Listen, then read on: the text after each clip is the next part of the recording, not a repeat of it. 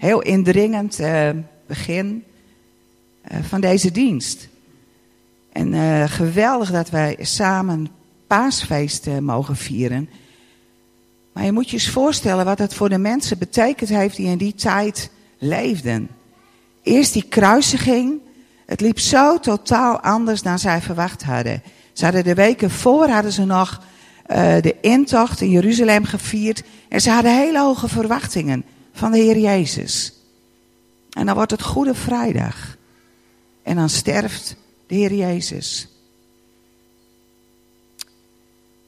Al hun verwachtingen, ja, die worden als het ware in de grond geboord. Hun dromen zijn kapot. En alles wat ze verwacht hadden, gebeurde niet. Is dit nu de Heer Jezus? Is Hij hiervoor gekomen om te sterven aan het kruis? En dan een volgende schok. Op de paasochtend. De discipelen en de vrouw, vrouwen die, die gaan naar de graven toe. En de graven die zijn in die tijd heel anders dan bij ons. Een graf is meer een grot. En ze komen daar bij dat graf. En dan is een volgende schok. De steen is van het graf weggehaald. En ze gaan er naar binnen. En het graf is leeg. Wat een schok. En die discipelen die spoeden terug om het naar de anderen te gaan vertellen.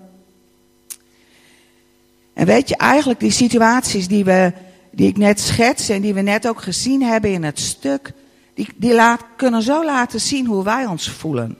Dat we vastzitten in alles wat op ons afgekomen is. Dat we geen hoop meer zien. Dat we wanhoop hebben. Dat alles te veel lijkt voor ons. We weten niet hoe we verder moeten.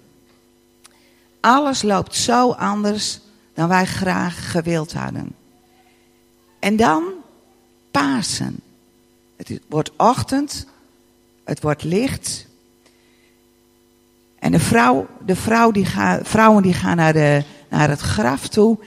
En dan heb, je, dan heb je daar die bijzondere ontmoeting, wat ook in dat filmpje getoond wordt. Dan is daar die ontmoeting waarin Maria ziet dat Jezus leeft. En ik wil daar een stukje over lezen uit Johannes 20. En ik lees, ik lees twee stukjes vandaag en die lees ik uit de basisbijbel. En daar staat, Maria stond buiten bij het graf te huilen. Huilend bukte ze zich om in het graf te kijken.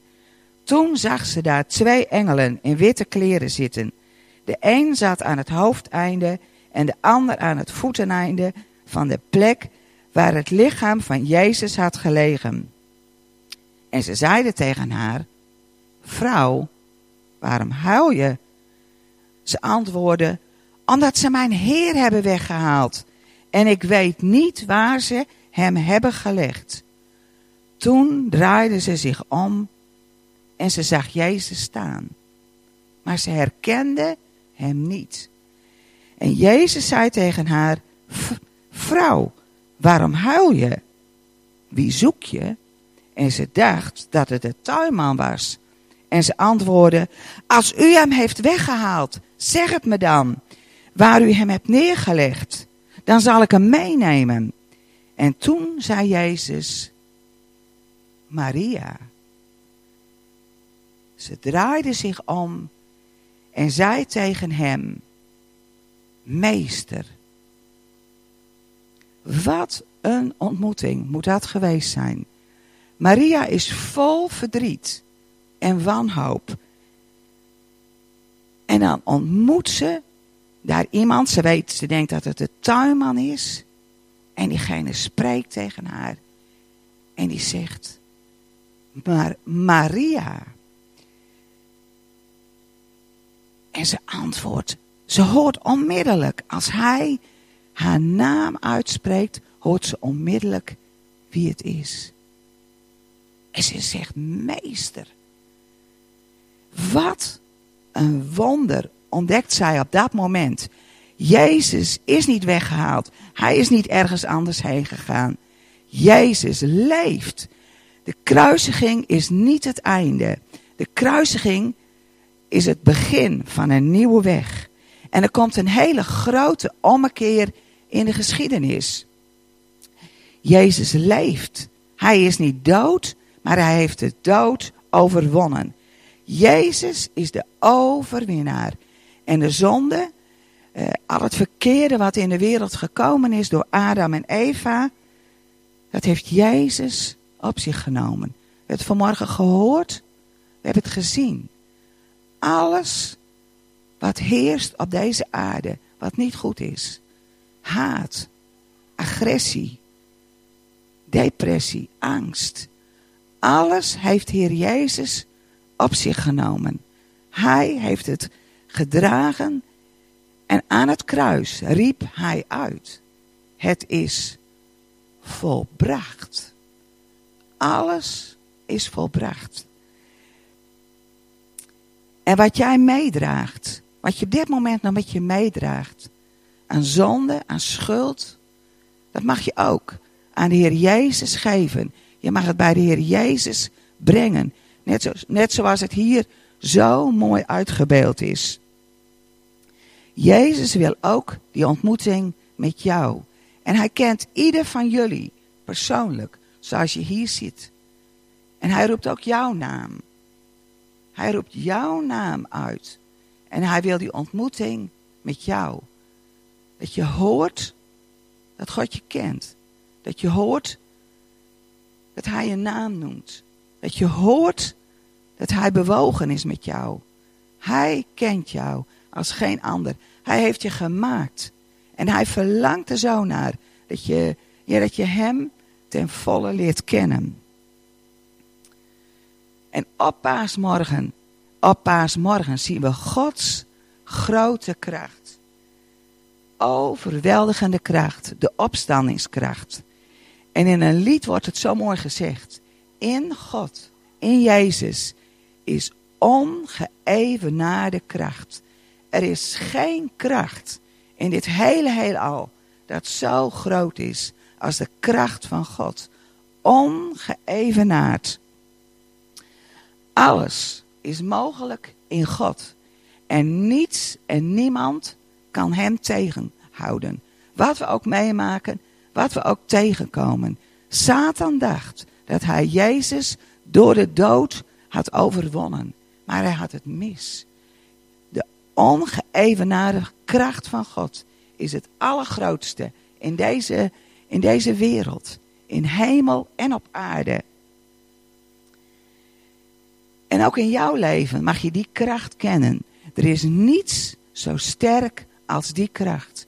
En als er situaties in je leven zijn waarin je wanhoop hebt, waarin je het niet meer ziet zitten, dan mag je die kracht, die ongeëvenaarde kracht van God, mag jij ontvangen. Want het is heel mooi wat daarover in Efeze 1 vanaf vers 15 staat. Maar er staat, Jezus zal met zijn licht in jullie hart schijnen. En daardoor zullen, zullen jullie weten wat jullie nog zullen krijgen. Jullie zullen dan werkelijk kunnen begrijpen wat voor geweldige erfenis Hij aan de gelovigen geeft. Ook zullen jullie dan begrijpen hoe onvoorstelbaar groot Zijn kracht is in ons die in Hem geloven. Want Gods kracht werkt in ons. Die kracht is dezelfde sterkte waarmee God Jezus weer levend maakte. En het is dezelfde macht waarmee Hij hem in de hemelse plaatsen een plaats gaf naast zichzelf. Nu is Jezus machtiger dan elke andere macht en kracht en gezag dat je maar bedenken kan. En niet alleen in deze wereld, maar ook in de wereld die nog komt. God heeft hem over alles de macht gegeven. Hij is heerser geworden over alles wat er is. En hij heeft hem gemaakt tot het hoofd van de gemeente. De gemeente is zijn lichaam en de gemeente is vol van hem. Hij vult alles en iedereen helemaal met zichzelf. Dat is onze God, die alle macht heeft in hemel en aarde, die overwonnen heeft, die zit in de hemelse gewesten. En wij kunnen zo onder de indruk zijn van alles wat we tegenkomen. Maar we mogen onder de indruk zijn van Gods grootheid, van Zijn heerlijkheid. En wij mogen ons aan de Heer Jezus geven. We mogen ons volledig aan Hem overgeven. Hij leeft in jou en jij mag in Hem leven. En dat verandert je totaal. En dan belooft de Heer Jezus je iets heel moois. De Heer Jezus zegt: Ik neem mijn plaats in jouw leven in. En alles wat op je afkomt, dat komt eerst op de Heer Jezus af. De Heer Jezus die ontvangt het voor jou. En als je in moeilijke situaties zit, als je moeilijke personen tegenkomt, dan zegt de Heer Jezus, ik neem mijn plaats in, in jou. Ik ga staan in jouw leven en ik help jou er doorheen. En waar wanhoop is, dan ga ik hoop geven. Waar bezorgdheid is, daar kom ik met liefde. Waar angst is, daar wil ik vrede geven. God wil de plaats innemen in jouw leven. Jij mag in Hem alles ontvangen. Want Jezus leeft. Hij, de Allerhoogste, Hij die jou kent. Die onnoemelijk veel van jou houdt.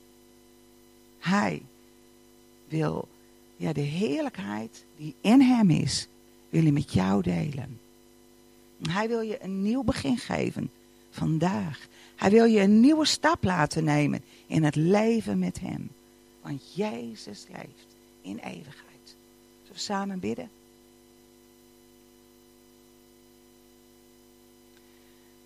Dank u wel, Heer. Dank u wel dat u leeft. Dat u alles hebt overwonnen. Heer, dat u alle macht hebt. In hemel en op aarde. Maar dank u wel, Heer, dat u zo'n persoonlijke God bent. Dat u zo dichtbij bent. Dat u ons kent. Dat u op dit moment ook uitroept wie wij zijn. Onze naam. Heer, dat ja, onze, uw ogen op ons zijn. Uw liefde. Waar we ook zijn en wat we ook meegemaakt hebben. Wat ook voor ons ligt. U kent ons. En dank u wel dat u uw liefde aan ons wil geven. Dat u alles wat wij met ons meedragen als last aan u mogen geven. En dat u ons vrijzet. Dat u ons vrijzet. En dat we volop mogen leven met u. Dank u wel daarvoor. Amen.